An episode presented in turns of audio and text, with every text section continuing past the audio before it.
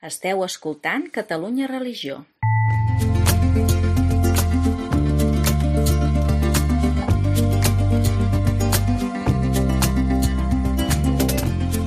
Converses en la frontera, un podcast de Gabriel Jaraba i Xavier Morlans.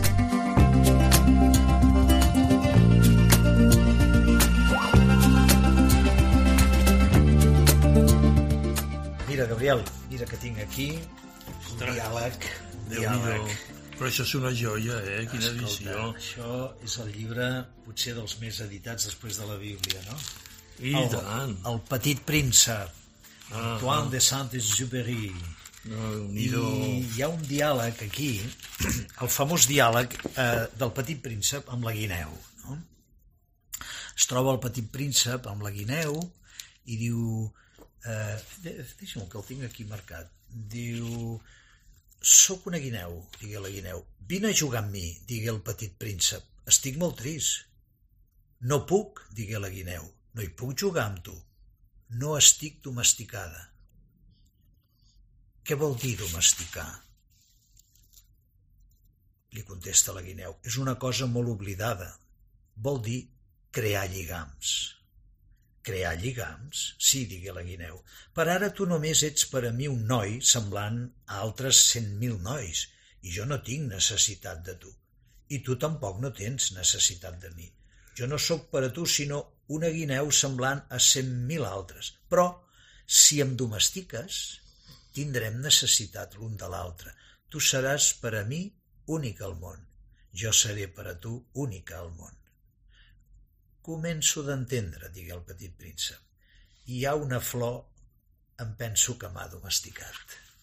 La paraula francesa és apro, aprovisoire, apro, aprovisoire-moi, eh, que és com t'has de, de fer meu, m'has d'apropar a tu. El domestica'm sona una mica malament, eh? perquè té aquest, té aquest regust de domesticar un animalet. La paraula francesa, provisoire, és més rica, vol dir fes-me proper a tu. Quin tema, no? Els vincles.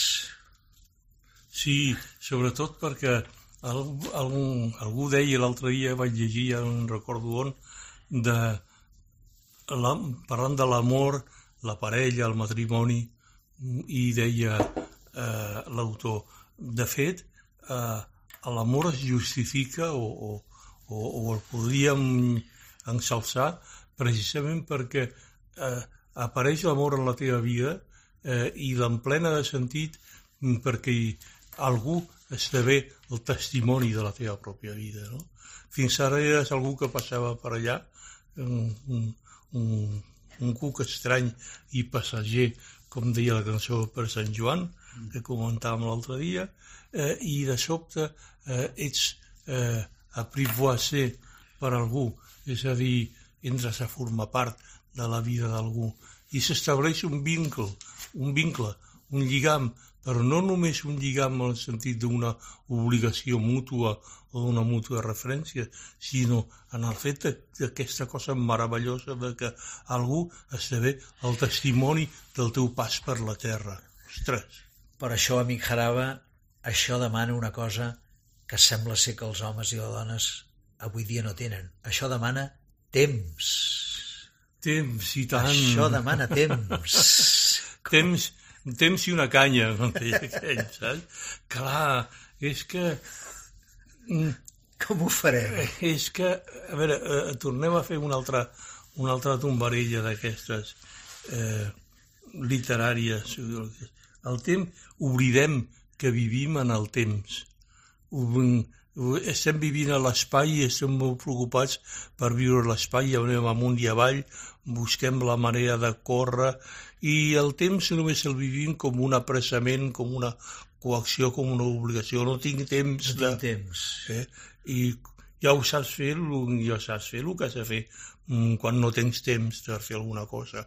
Córrer eh, i esforçar-te, però i com s'ha de fer per tenir temps per fer una cosa? Quina és la manera oposada? I aquí nosaltres callem d'una manera escandalosa. perquè Antoine de Saint-Exupéry escriu això a París, no?, a la Segona Guerra Mundial, el 1941 o així, i fa, ja, ja fa la crítica del, de l'utilitarisme, del mercantilisme, tots els personatges que va visitar, tots els asteroides que va visitar el Petit Príncep, és la caricatura d'un personatge mercantilitzat, eh, obsessionat pels nombres, que no, no es para a veure una posta de sol. És increïble, és increïble com, com l'han tapat també amb, amb el Sant Exuperi la manera neuròtica com vivim la nostra relació amb el temps és molt reveladora de la nostra condició.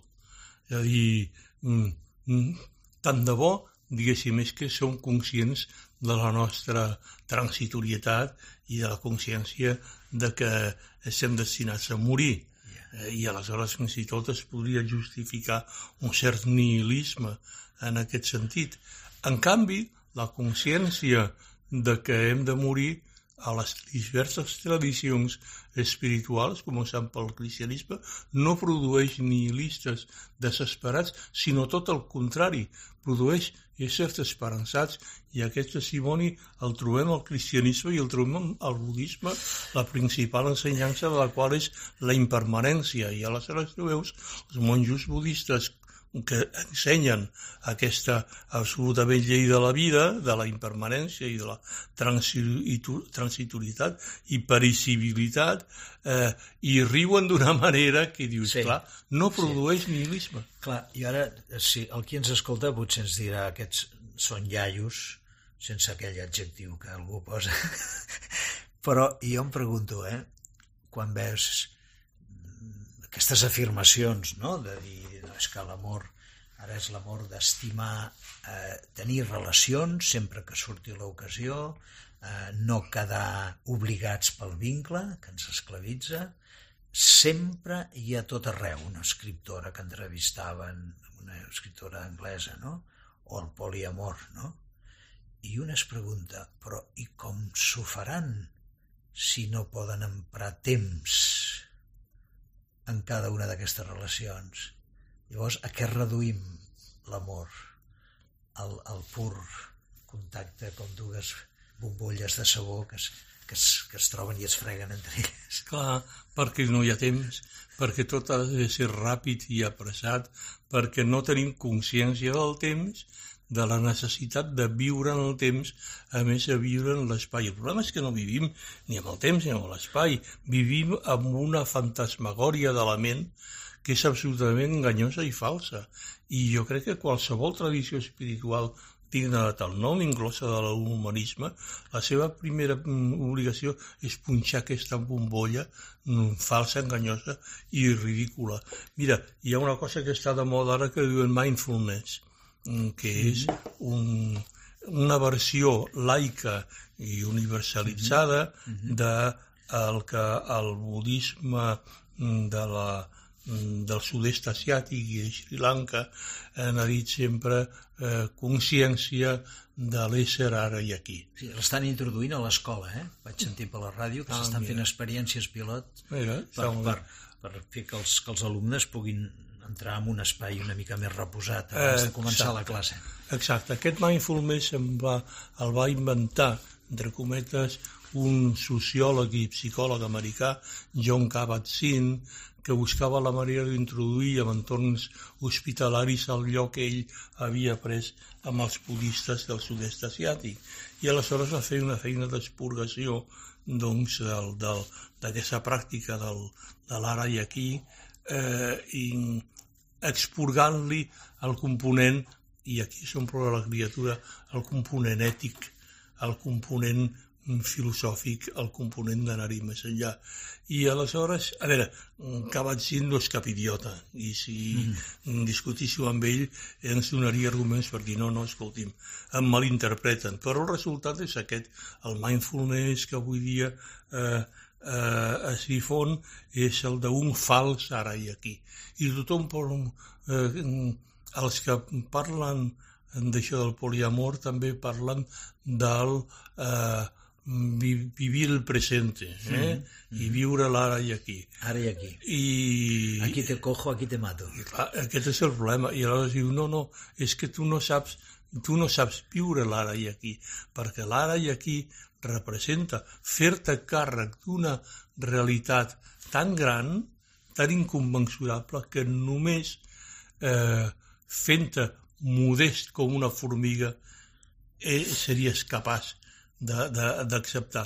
Com deia, com deia aquell eh, eh, llestos mm, com a serps i humils com a coloms. Jesús, a l'Evangeli. Exacte. Ah, diríem, per entendre'ns, eh, que passa amb totes aquestes tècniques, al final és ensenyar als nens o adolescents a concentrar-se en la respiració, percebre la pròpia respiració, que això ja fa baixar el cervell a un nivell, no sé si en diuen alfa, eh, que és més reposat, i ser capaç una mica de, de contenir la, la, el nerviosisme, el neguiteig, la hiperactivitat. Diríem que totes aquestes coses, com a tècnica d'entrada, diem bé, i, i, i, i que està bé que es faci, el problema és quan, com deies tu ara, després es desconnecten de tot contingut ètic, diríem, no? Quan es converteix en un pur, això seria una crítica no, no, no pels nens, sinó quan això ho fan els adults, no? Eh, quan això es desconnecta del, del prendre càrrec, no? allò que deia l'Illa Curia, el jesuïta que van matar els paramilitars, no? hacer-se cargo de la realitat, carregar-se la realitat encima, no? amb aquesta expressivitat castellana. No? Aquí està el, això em volia, que faríem. Això em volia referir, perquè aleshores, convertit en una sola tècnica,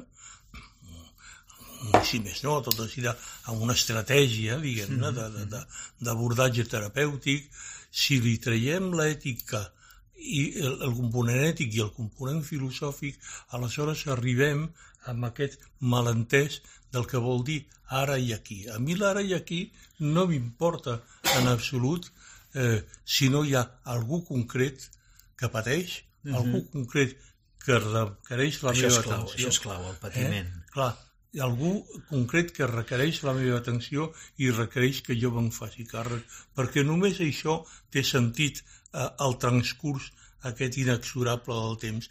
I, i només així és com eh, el, eh, hem de fugir o, o podem evitar el fet de que el transcurs inexorable del pas dels temps ens torni nihilistes. Ahir, justament a la tarda, a la parròquia Hospital de Campanya de Santana, que saps que en soc vicari, vam fer una taula rodona amb motiu de la proximitat de les eleccions del 23 de juliol, en què van convidar a representants d'entitats, de Càritas, per exemple, o del Raval, Casal de Ravals, l'Enric Canet, i van venir representants d'alguns partits. No? I el rector, el Pello, el, quan va fer la seva intervenció, el Pello Sánchez, va dir, punt molt important, el patiment. Els polítics i tots hem de tocar el patiment de la gent, hem de veure el patiment que hi ha darrere aquestes històries, d'aquests xicots marroquins que ara l'extrema dreta vol concentrar en ells la, la por, la por a l'estrany, la por al diferent, el que ve per robar, per prendre la feina, i el patiment d'aquests que han hagut de fugir de situacions de fam, de situacions de persecució. Aquest, aquest país nostre, veí del nord d'Àfrica, eh, és una dictadura. Hi ha un nano que ha hagut de fugir perquè el seu pare es va implicar en aquestes manifestacions de les primaveres eh, àrabs i el van anar a buscar a casa seva. Aquest noi li van prohibir estudiar, feia segon de biologia, era campió tres vegades d'atletisme d'aquest país i va haver d'agafar la pastera per fugir de, de la persecució policial, no? I ha dormit al carrer i ara està dormint en, els, en les llars d'oportunitats. Aquest sentit de l'ara i aquí sí, però atent, atent al patiment. Hi ha un altre fet, un és per poder crear vincle, no? el, el la privoise moi, eh, és el temps. I l'altre és que perquè hi hagi vincle hi ha d'haver diferència. Hi ha d'haver diferència, hi ha d'haver alteritat, no? I ja hi som, ens tornem a trobar amb aquesta moda de que no es vol sentir parlar de diferència. Clar, s'entén, en el cas de relació home-dona, si es parla de diferència i es parla de complementarietat, això llavors, en tant que, i és cert que s'ha fet servir per sotmetre la dona a l'home, doncs allò, gat escaldat fuig de l'aigua tèbia, tèbia, no? Comprenem que hi ha un feminisme que no vol sentir parlar de complementarietat perquè et donarà peu a la dependència. Però, home, una mica d'alteritat i de diferència. De reciprocitat, diuen el, el Magati. Aquell matrimoni italià de sociòlegs di, diuen la paraula reciprocitat. Necessitem reciprocitat perquè hi hagi vida, perquè hi hagi alegria, hi ha d'haver diferència. S'hi ha de dedicar temps i s'ha de partir que hi ha una diferència que s'haurà d'elaborar la reciprocitat. Clar, perquè, a, eh, a veure, hi ha una neurosi galopant que fa la gent, que torna la gent boja. I, primer, jo vull tenir raó sempre perquè jo sóc l'última mesura de la raó de les, de les coses. Eh? Dos, eh, s'ha de fer allò que jo vull i allò que jo crec que s'ha de fer perquè si no ho fem malament anirem. Tres, eh, ho vull tot ara i aquí ràpid perquè el temps corre i no tinc temps de... I aleshores aquest, aquest passa el temps angoixa. Però per no caure en aquesta angoixa, perquè és massa evident, ho disfressem dient jo només compto amb l'ara i aquí. El qual, el qual té una versió molt punyetera, per dir-ho malament, que és a dir, se me'n fot el que passi abans i el que passi després. Sí. Ah, no, dic, perdoni, vostè perdoni, no, era, no hi haurà cap mestre budista eh, ben ensidistrat amb la filosofia de la impermanència eh, que li toleri a vostè eh, que no se'n faci càrrec de la responsabilitat d'allò que passi abans i d'allò que passi després relacionat amb, el, amb els seus altres. És a dir, és una, és una és un retorçament i un desballestament tan, tan matusser de la, de la sensatesa que aleshores parlar de reciprocitat, com tu deies, sembla mm, un problema quan és el normal. A la gent, eh, és a dir, lleis de la comunicació. Primera llei de la comunicació. Què li agrada a la gent? El que fa l'altra gent. És a dir, si tu vols ser comunicador, tu t'has d'interessar per la gent. Dos, eh, corolari, eh, la gent és per naturalesa diferent i diversa, contradictòria i de vegades oposada a tu. Per tant, si tu vols fer-te càrrec del primer, t'hauràs de fer càrrec del segon. M'explico? Sí. Ja han dit la llei primer de la, de la llei sí. primera de la, de la comunicació, però és que això és, és una de les lleis de la vida. Quan som en aquest món acabo, arribem en aquest món, comencem a despertar a la vida i comencem a dir, ostres, què passa aquí? Aquest és, aquesta és la mama, aquest és el papa. Mm, ens interessa i ens agrada perquè som diferents, són un altre. I, I s'ha trobat amb un altre. I què hi ha darrere d'aquest? Jo ho vull. Ha de ser el que jo vull. Jo vull aquí i ara. Què hi ha? El mercat. La necessitat de vendre i la necessitat de comprar. Hi ha aquest anunci de la, de l'edat mediterrània, suposo que es pot dir, que diu, a la teva vida només manes tu. A la teva vida només manes tu. I la, i la, i la, i la marca de cervesa que t'està condicionant, perdó per la referència, no? Clar, sí, sí. Eh, el mercat és la, la necessitat de vendre i de tenir esclavitzats està en gran part darrere d'aquesta hiperindividualització i per ah, eh, angoixa de ara ho haig de tenir ara aquí. No?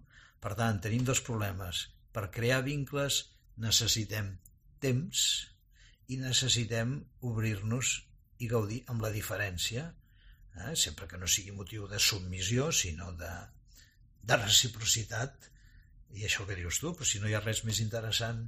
Perquè aquí hi ha l'altra cosa, de que llavors l'ideal l'ideal és que tot és igual a tot, eh? com deia aquell, no parlis amb llenguatge heterosexual, no? Tot és igual a tot, i al final, si tot és igual a tot, com deia el bisbe Carrera, és un caos. O sigui, si tot és igual a tot, és el no res. És el mateix el ple que el buit. No? I hi ha aquesta al·lèrgia, així com parlàvem dies enrere, de l'al·lèrgia al cos, no? l'agnosi, que és una, un, una al·lèrgia al cos i una idealització que allò més sublim de l'ésser humà és allò mental o allò susceptible de ser pensat com una ànima pura que retorna al cel, cosa que ha contaminat el cristianisme, hi ha també aquesta al·lèrgia, aquest menyspreu de la diferència, clar, perquè certes diferències, com les de diferències sexuals, històricament fins fa quatre dies, eren motiu d'estigmació i d'empresonar i d'executar a l'homosexual. No? S'entén d'on ve la, la pendulada. No? Però aquesta pendulada de dir no a la diferència, cadascú és un jo autònom que és el que se sent, no? això que també tu dius molt sovint, no? el que jo sento, el que jo sé que sento i tal. No? Però això no té sortida, això ens porta un, número, a un món de mònades, com, com bombolles de sabó, mònades, cada una autoafirmada amb lo seu, tan autoafirmada amb lo seu, tanta por de crear vincle que em condicioni, que, que, que no té vida, perquè si no hi ha temps per dedicar a l'altre, si no hi ha reciprocitat no hi pot haver creativitat, no? Bueno, és la destrucció de la civilització, no sé si m'estic posant... Clar, semblaria, semblaria que anem que la conseqüència d'aquesta manera de, de pensar i de proposar seria aquesta, però no, encara és pitjor.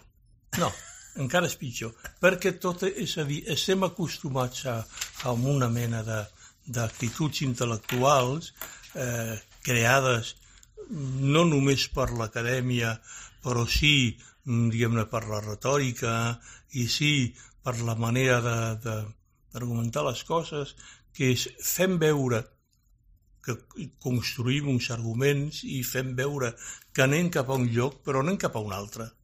És a dir, una cosa són les declaracions i altra cosa són les veritables intencions.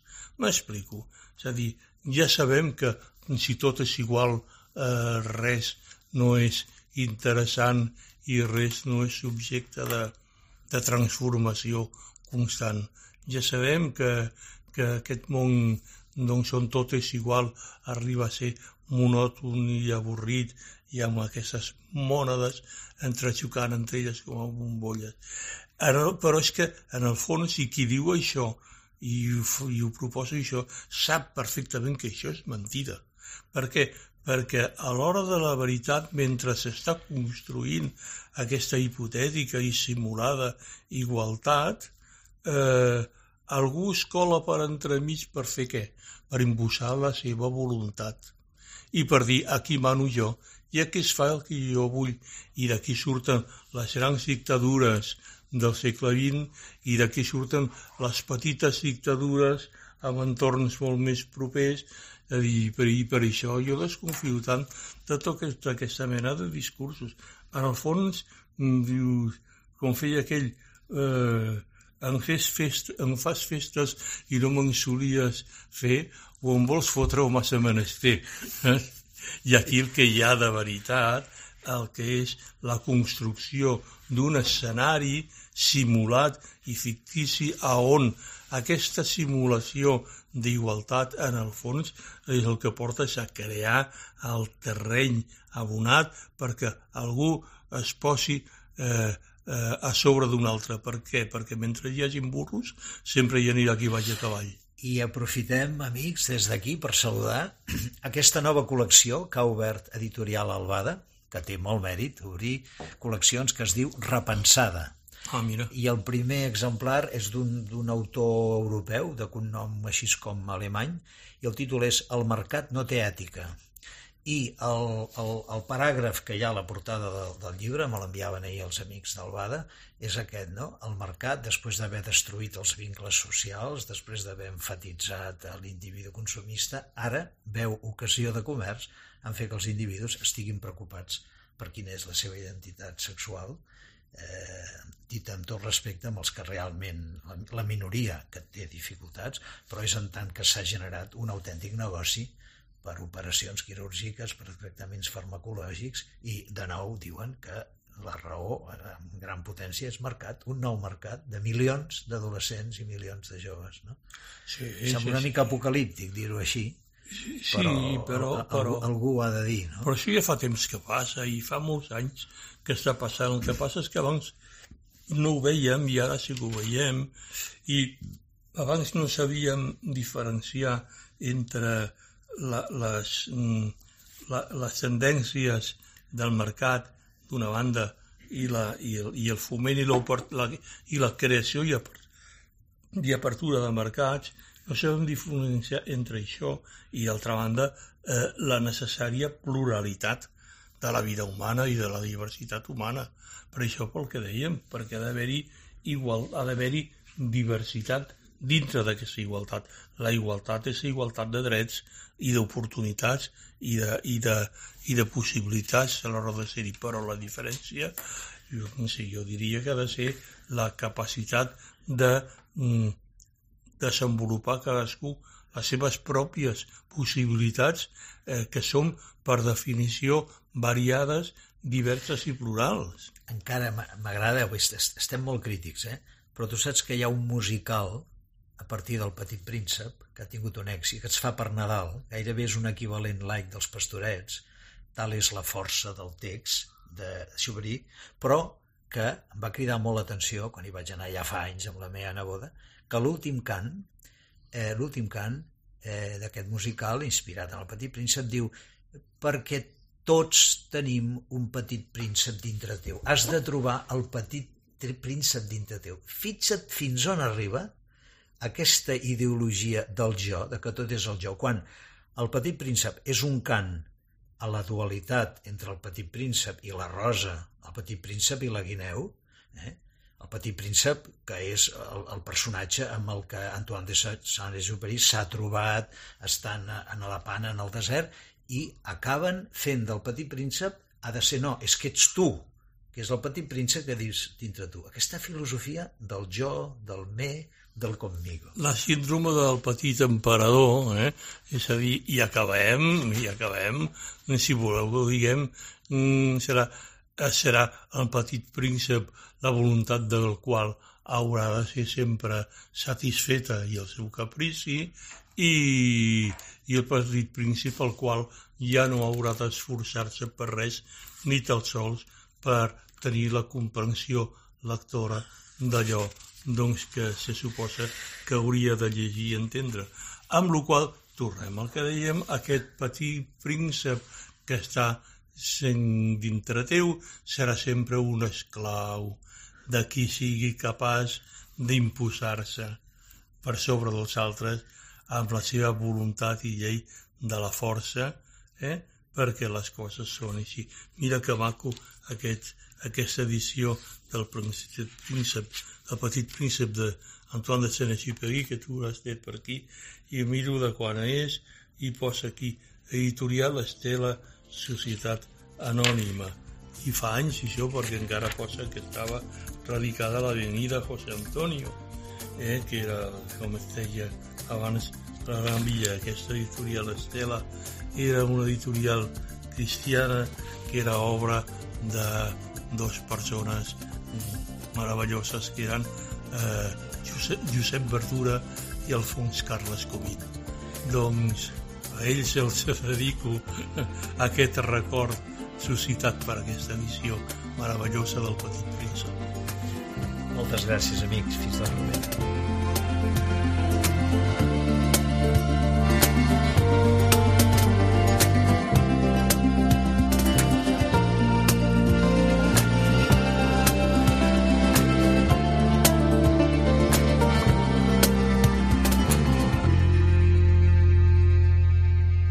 Catalunya Religió